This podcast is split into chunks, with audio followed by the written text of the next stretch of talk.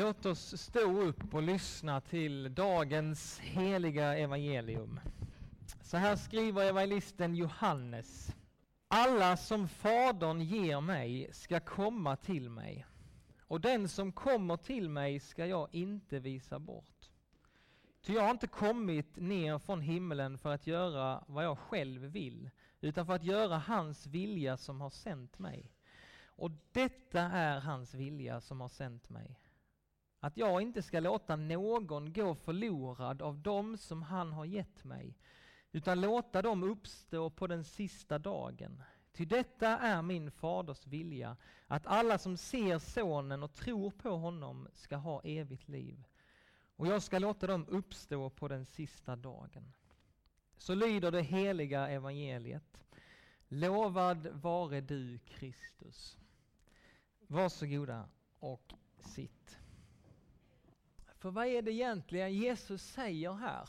Alltså det finns en spänning i den här texten, i vad Jesus säger. Vad är det egentligen han säger? Alla som Fadern ger mig ska komma till mig. Alltså det är Fadern som bestämmer det. Och den som kommer till mig ska jag inte visa bort. Ja, men då är det ju mitt ansvar att komma till Jesus. Men hur är det egentligen? Är det Fadern som bestämmer? Är det bara Fadern som väljer ut vem som ska komma till Jesus? Är det Fadern som bestämmer vem som får komma och vem som inte får komma? I vers 40, det är ju det, detta är min faders vilja att alla som ser sonen och tror på honom ska ha evigt liv. Ja, men det är väl mitt ansvar att se sonen och tro på honom. Och den som tror på honom ska få evigt liv. Så älskade Gud världen att den som tror på honom ska ha evigt liv. Några verser längre fram här så säger Jesus det väldigt tydligt. Han säger så här, ingen kan komma till mig.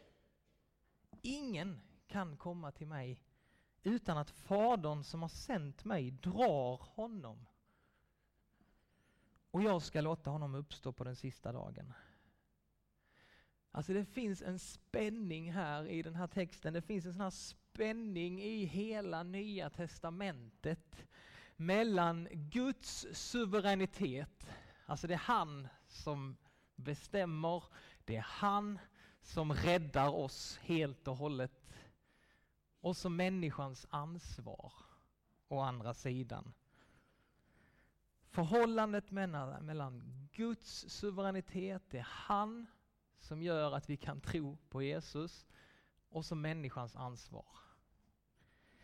Och den här spänningen, det, det, har fått konsekvenser genom kyrkohistorien, det kan jag berätta. Kyrkogrenar har startats på grund av detta. Och man har kallat detta för predestinationsläran. Kan ni säga predestinationsläran? predestinationsläran. det, det ligger rätt så bra i munnen. Va?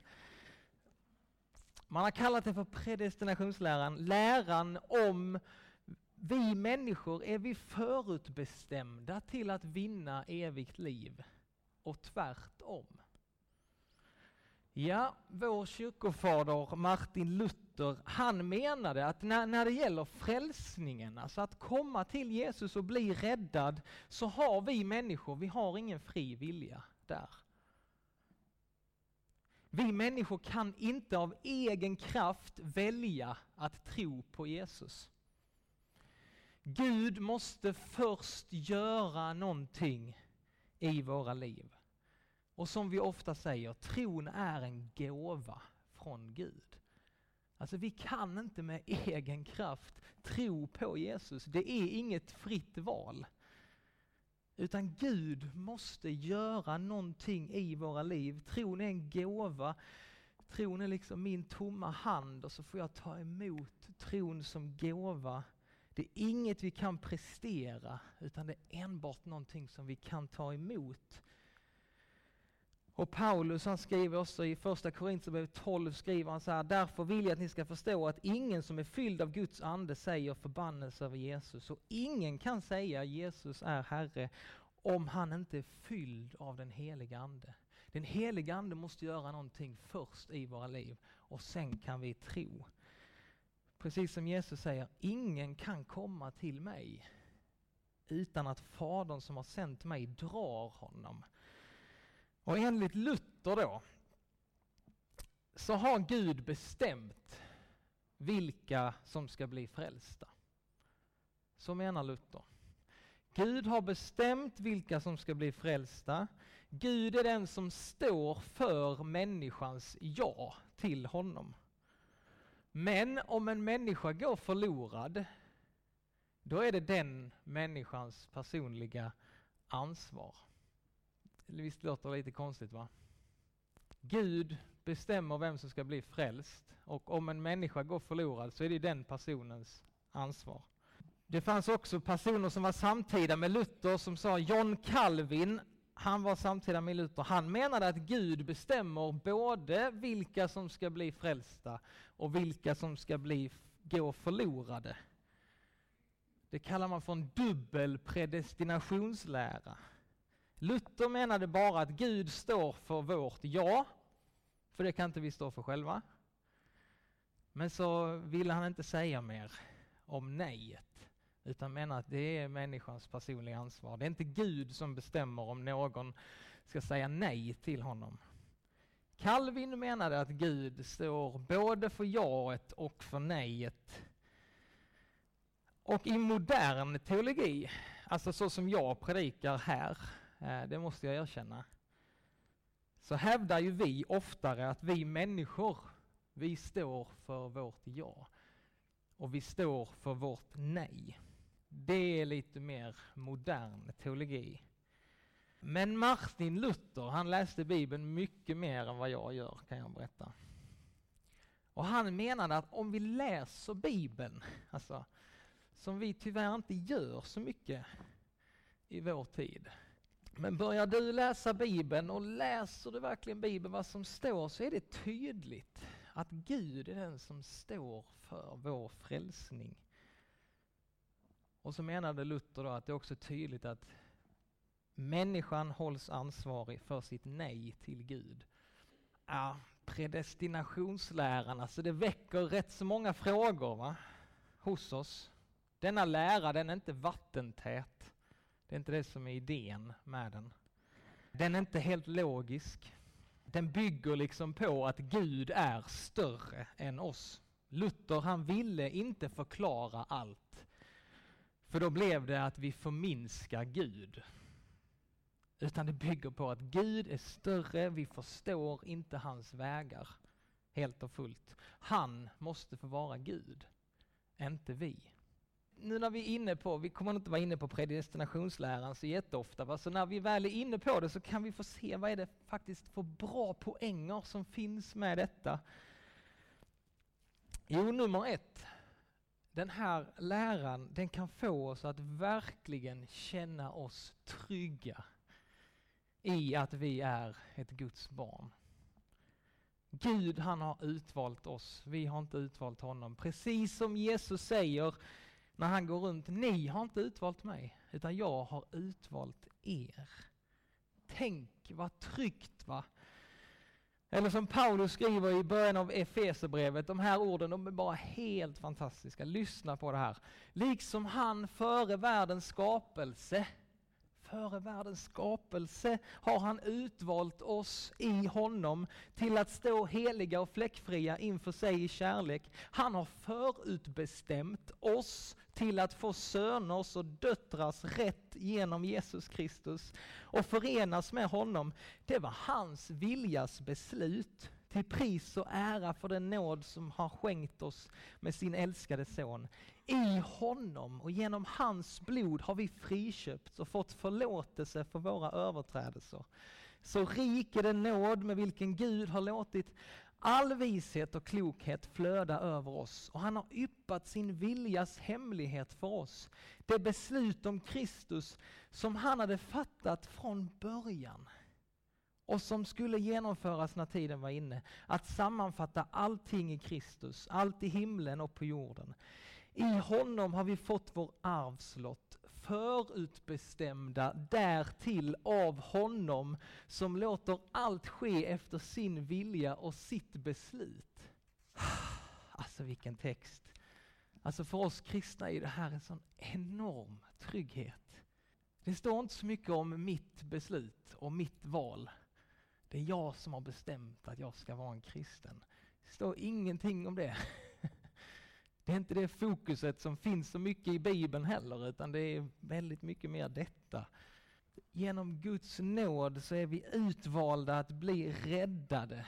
Och vi använder inte den här texten, vi använder inte detta mot de som inte är kristna. Det ska vi verkligen inte göra. Men för vår egen del så är det en ljuvlig visshet. Att få lita på att vi är utvalda, vi är älskade av honom. Han har utvalt oss, vi har inte valt honom.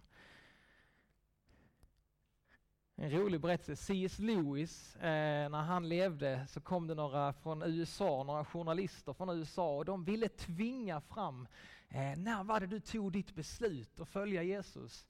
Ville de, när var det, vilket datum var det, vilken händelse var det? Och C.S. Lewis han vägrade säga att han hade tagit något beslut, utan han sa det var, nej det var som att Gud omringar mig och jag hade ingen väg att gå. Det var inte jag som tog det beslutet, jag var helt överfallen av nåd. Det var inte i mitt beslut, han vägrade säga att det var hans beslut, utan han kände bara, nej, Gud han omringar mig på alla sidor. Jag kunde inget annat. Jag blev överfallen av lycka och av hans nåd. Det är en fantastisk visshet. För det andra, predestinationsläran kan också göra oss frimodiga att dela evangeliet till alla och till varandra. Alltså vi kan vara så frimodiga, vi ska vara ivriga, vi ska vara passionerade för att andra ska få veta. Vi kan uppmana frimodigt till omvändelse. Vänd er om, tro på Jesus och samtidigt så kan vi veta att detta är ett Guds verk varje gång en människa blir kristen. Det är ett Guds verk. Det är om inte Guds ande rör vid den här människan, då händer det ingenting. Hur mycket än vi försöker och kämpar. Därför ska vi aldrig liksom sätta någon press på en människa att ta emot Jesus. Gör det nu! Du måste göra det idag, du måste göra det ikväll. Gå över linjen här, gör det nu! Du måste ta beslut nu! Nej, vi ska aldrig, vi behöver aldrig liksom göra några övergrepp på en annan människa för att de ska börja tro på Jesus. Vi ska vara frimodiga vittnen, men ytterst sett så beror det på Gud och vad han gör i den människans liv. Vi får aldrig våldföra oss på människor på ett andligt sätt, utan vi vet att det sker i Guds tid. Det är han som måste göra någonting. Och detta kan också få dig att bli ännu mer frimodig i ditt vittnesbörd om vad Gud har gjort i ditt liv. Du kan bara slappna av, för det beror inte på hur bra ditt vittnesbörd är. Du kanske känner att jag har ett uselt vittnesbörd. Jag har inget att berätta. Jo, du har någonting att berätta. Och det som du har fått, det ska du dela med andra. Du ska inte nedvärdera ditt vittnesbörd. Du kan få dela det frimodigt och sen bara lita på att det är Gud som ger växten. Och han kan använda ett uselt vittnesbörd. Finns det några sådana? Nej, det finns det inte. Men om du tror att du har ett dåligt vittnesbörd, ja, han kan använda det vi kan bara slappna av, för det handlar inte om det. Det handlar om att Gud gör någonting i en annan människa och så vill han använda oss. Han vill använda ditt vittnesbörd, han vill använda mitt vittnesbörd för att ja, dela med oss. Men det är Gud faktiskt som står för växten. Det är han som kan skapa gensvaret. Detta var första delen av predikan. Det var lite teologi alltså. Predestinationsläran, skål på det. Och eh, som sagt så är det liksom frågor och det här väcker väldigt mycket tankar. Men ah, är detta Gud? Varför ska det vara så här krångligt? Varför ska du inte vara lite mer tydlig när det gäller detta? Men då sista, andra delen av predikan, då vill jag bara berätta, och jag tror att det är vår tröst och vårt hopp, det är inte att vi, får, att vi förstår allt, utan vår tröst och vårt hopp det är på vem Gud är. Och vår Gud han är så stor. Alltså allting vilar ytterst sett i hans händer. Och mycket av vår oro, mycket av våra bekymmer hade försvunnit. Hade bara bleknat bort om vi hade förstått lite mer av Guds storhet och hans suveränitet. Vi har redan fått smaka lite på det i Efesierbrevet. Hur Gud bara, det är han som bestämmer historiens gång. Han har utvalt oss redan före världens skapelse. Det är han som sitter på tronen. Det är han som har kontrollen. Och jag vill nu liksom fortsätta med ett ynkligt försök att försöka beskriva honom utifrån vad Bibeln säger. Första krönikeboken säger så här. Dig, Herre, tillhör storhet och makt och härlighet och glans och majestät. Ja, allt i himlen och på jorden. Ditt är riket, Herre. Och du är den upphöjde härskaren över allting. Rikedom och ära kommer från dig och du råder över allting. I din hand är kraft och styrka. Allt har du makt att göra, stort och starkt. Och i andra krönikeboken så står det Herre, våra fäders Gud, det är du som är Gud i himlen och som råder över alla folkens riken. I din hand är kraft och styrka. Ingen kan stå emot dig. Alltså inför en sådan här Gud så är kungar, presidenter, makthavare och människor, vi är ingenting jämfört med honom. Och vi kristna, vi behöver komma ihåg att detta är vår Gud. Det är denna Gud som älskar oss. Den här guden som har offrat sig själv för oss. Vår Gud är inte någon sagokung, utan han är den suveräne Herren Jobb säger om honom, när han bestämt sig, vem kan hindra honom? Han gör vad han behagar. Vi läser om att han öppnade Röda havet med sin makt. I Josua kapitel 10 så stod det genom hans vilja så stod solen stilla. I Jesaja 38 så står det till och med att solen rörde sig baklänges. För att Gud ville det. Detta är vår Gud. Salmisten skriver, jag vet att Herren är stor, vår härskare är större än alla gudar. Allt vad Herren vill, det gör han i himlen och på jorden, i haven och de stora djupen. Alltså vår Gud, han är ingen passiv åskådare. Han är den som bestämmer och styr. Han sover aldrig, han slumrar aldrig. I varje ögonblick så har vår Gud full kontroll över den här världen. Han regerar och styr som den allsmäktige. Ingenting är omöjligt för honom.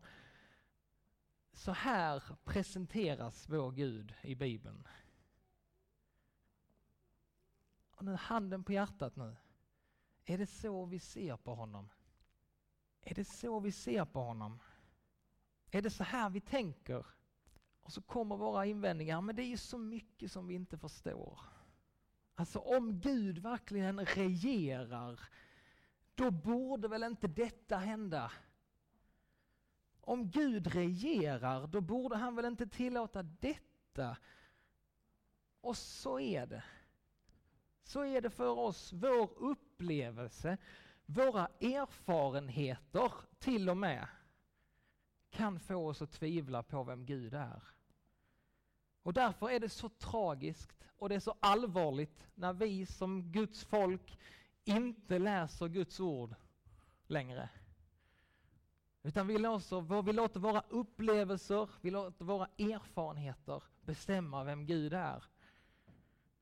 Och därför måste vi tillbaka till Guds ord. För det är bara där vi får veta vem Gud verkligen är. För den här upplevelsen som säkert många av er känner, liksom, varför, varför ser det ut så här då? Om Gud är på tron, om han regerar och styr världen, hur kan det se ut så här? Ja, den upplevelsen den är inte ni ensamma om. Den är inte vi ensamma om. I Jesaja kapitel 40, dagens hemläxa, Jesaja kapitel 40. Läs hela alltet innan du somnar ikväll. I kapitel 40 i Jesajas bok, där försöker profeten Jesaja ge tröst till ett oroat folk, ett förvirrat folk. Och det gör han genom att påminna dem om Guds suveränitet. Vem Gud är. Han talar Guds ord till människor som är på, på många sätt som oss kristna idag. Modfällda, kuvade, förvirrade, förtvivlade. Han talar till människor som under lång tid bara har mött motgångar. Människor som slutat tro, slutat hoppas. Att evangeliet kan förändra deras sammanhang, deras församling, deras stad. Och så tillrättavisar profeten människorna för att de glömmer vem Gud är. Ni har ju glömt vem Gud är. Och så säger han så här, Förstår ni inte? Hör ni inte? Har det inte sagts er från begynnelsen? Har ni inte vetat det sedan jordens grund blev lagd? Han tronar ovan jordens rund. De som bor på den är som myror. Han breder ut himlen som en duk, spänner upp den som ett tält att bo i. Han gör furstar till intet, utplånar jordens härskare. Och så påminner han dem om och om igen vem Gud är, om Guds suveräna makt och kraft. Och han fortsätter, han säger se på skapelsen. Vem mäter upp havet i sin kupade hand och himlens vidd med sina fingrar? Det är vår Gud, han som skapade allt, han som i sin makt upprätthåller allt. Och så säger han, se på länderna omkring er. Och så säger han, folken är som droppar ur ett ämbar, som dammkorn i en vågskål. Fjärran länder väger lätt som stoft. Och det spelar inte roll vilket århundrade vi lever i, det, det kommer alltid att finnas någon stor makt som dominerar andra. Men även de största makterna är ingenting i jämförelse med Gud. Vad är Kina? Vad är Ryssland? Vad är USA? Bara en droppe i havet jämfört med Guds makt. Det är som dammkorn i en vågskål. Och så fortsätter han, se sedan utanför världen, titta på stjärnorna på himlen. Vem har skapat allt detta? Lyft blicken mot skyn och se, vem har skapat allt detta? Han som mönstrar stjärnornas här och låter dem tåga fram, han som ropar upp dem alla. Så väldig är hans makt och hans styrka att ingen av dem uteblir. Alltså vår Gud, han är ojämförlig. Det finns ingen som Gud. Alltså vilket hopp och vilken tröst vi kan vänta oss av honom. Som avslutning säger Jesaja, han ger den trötte kraft. Den svage får ny styrka. Unga män kan bli trötta och mattas, ynglingar snava och falla, men de som litar till Herren får ny kraft. De får vingar som örnar, de springer utan att bli trötta, vandrar utan att mattas. Så kristna bröder och systrar, detta är vår Gud. Han är suverän, han är helig, obeskrivlig, ofattbar i sitt majestät. Och den enda anledningen till att vi kan känna optimism och framtidstro i den här världen som vi lever i idag, det är att vår Gud, han regerar. Vår Gud regerar, sa jag. Kan man få ett amen på det eller? Vår Gud, han regerar fortfarande. Det ser inte så ut, men vår Gud regerar. Idag, denna helg, när vi tänker på och när vi sörjer de som gått före oss, så får vi på nytt påminna oss om vårt, ja, att vårt enda hopp, vårt enda hopp är att lämna våra liv på nytt till honom idag. Bara säga att jag behöver dig. Vi går till Jesus idag. Allihopa, vi går till honom idag. Inte ens döden kunde besegra honom. Han som gick levande ur sin egen grav säger till alla oss som sörjer, han säger den som tror på mig, han ska leva om han än dör. Ingen annan kan ge ett sånt löfte. Ingen annan har gjort det heller. Ingen kan ge ett sånt löfte. Han är den enda som har vunnit seger över synden, döden och djävulens makt. Han vann det inte bara för egen skull, utan han gjorde det för oss i vårt ställe. De fiender som du och jag, vi kunde inte besegra dem, besegrade han för vår skull. Han lever, han regerar igår, idag och i evighet. Och han säger till dig idag, och detta är hans vilja som har sänt mig, att jag inte ska låta någon gå förlorad av dem som han har gett mig, utan låta dem uppstå på den sista dagen. Amen.